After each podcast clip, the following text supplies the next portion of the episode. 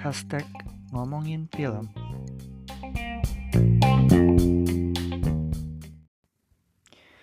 Halo teman-teman, bagaimana kabarnya selama karantina ini? Gua harap baik-baik saja. So, sebenarnya gue udah mau nonton film ini sejak World War III atau Perang Dunia Ketiga jadi trending. Karena somehow di film ini ada keterlibatan sedikitnya dua negara, yaitu Iran sama Amerika Serikat.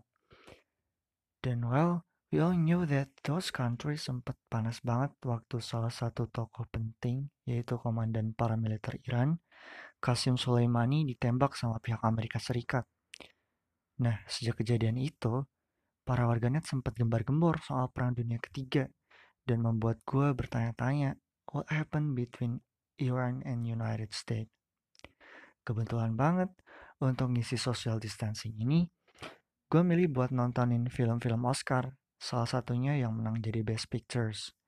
Terus, film Argo ini menang waktu tahun 2013, ngalahin film Amour, Beast of Jordan Wild, Django Unchained, Les Miserables, Life of Pi, Lincoln, Silver Linings Playbook, dan Zero Dark Thirty.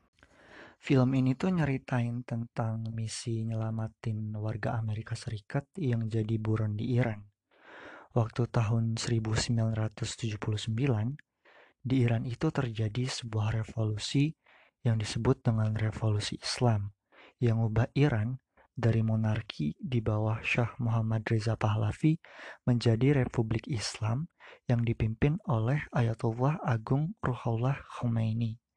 Nah, katanya revolusi ini itu menjadi revolusi besar ketiga setelah Prancis dan Bolshevik. Lalu apa hubungannya Iran sama Amerika Serikat? Nah, di awal film ini diceritain sejarah Iran secara singkat sampai adegan huru-hara di kedubes Amerika Serikat yang ada di Iran. Orang-orang Iran pada demo ramai banget di depan gedung, sampai akhirnya mereka merangsek masuk ke dalam. Nah, beberapa orang Amerika berhasil mereka tangkap dan sisanya ada enam orang yang berhasil lolos dan mengungsi di suatu tempat. Kenapa orang-orang ini bisa sampai gedek banget ke orang Amerika Serikat? Jadi ceritanya itu waktu kepemimpinan Shah Muhammad Reza Pahlavi, dia itu terkenal sebagai orang yang korup, brutal, dan boros. Selain itu, kebijakan yang ia buat sifatnya kebarat-baratan dan hubungan dengan Amerika Serikat waktu itu kuat banget. Nah, ternyata hal sekuler ini sangat berbenturan dengan identitas Muslim Syiah Iran yang akhirnya orang Amerika Serikat waktu terjadi revolusi ini jadi buron buat ditangkap sama pihak Iran yang kontra sama pemerintahan yang monarki. Enam orang yang berhasil lolos dari penyergapan di gedung kedubes, mereka stay-nya itu di rumah duta besar Kanada. Akhirnya, CIA turun tangan buat nyelamatin ke enam orang itu karena ya udah tanggung jawab pemerintah US sendiri kan. Nah, salah satu agen CIA, Tony Mendes, punya satu ide yang they said it was best idea to rescue the hostages dengan cara pura-pura bikin film.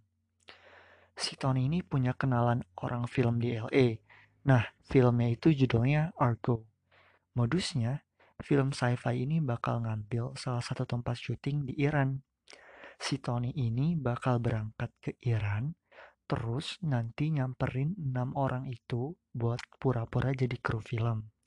Terus nanti mereka nyamar jadi orang Kanada bakal pergi ninggalin Iran karena ceritanya udah beres survei tempat syuting.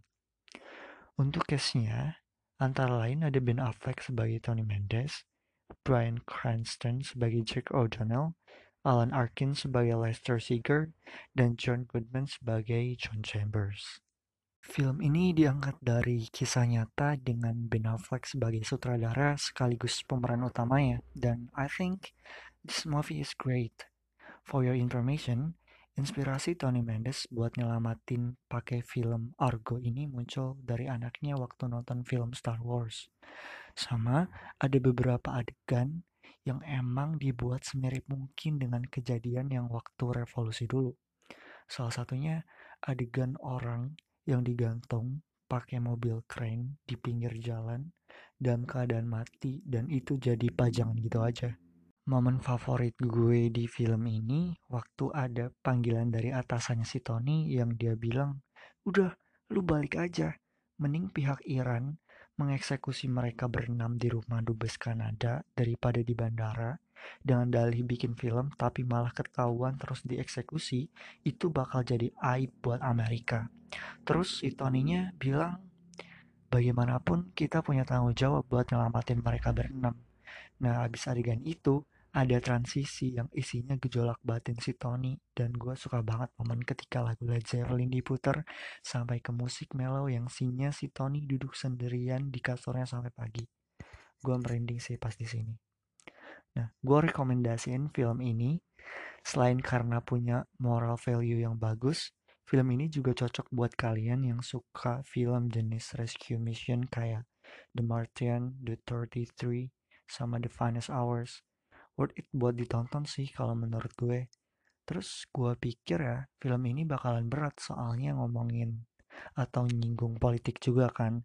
Tapi ternyata enggak kok ini pure tentang misi penyelamatan. Alurnya menurut gue mulus banget sih. Kayak semulus itu sampai gue gak ngerasa jenuh meskipun dia minim aksi sebagai movie yang temanya rescue mission. Sama terakhir for your information juga Film Argo ini tersedia di Netflix dan bisa kalian tonton sekarang juga. Happy watching.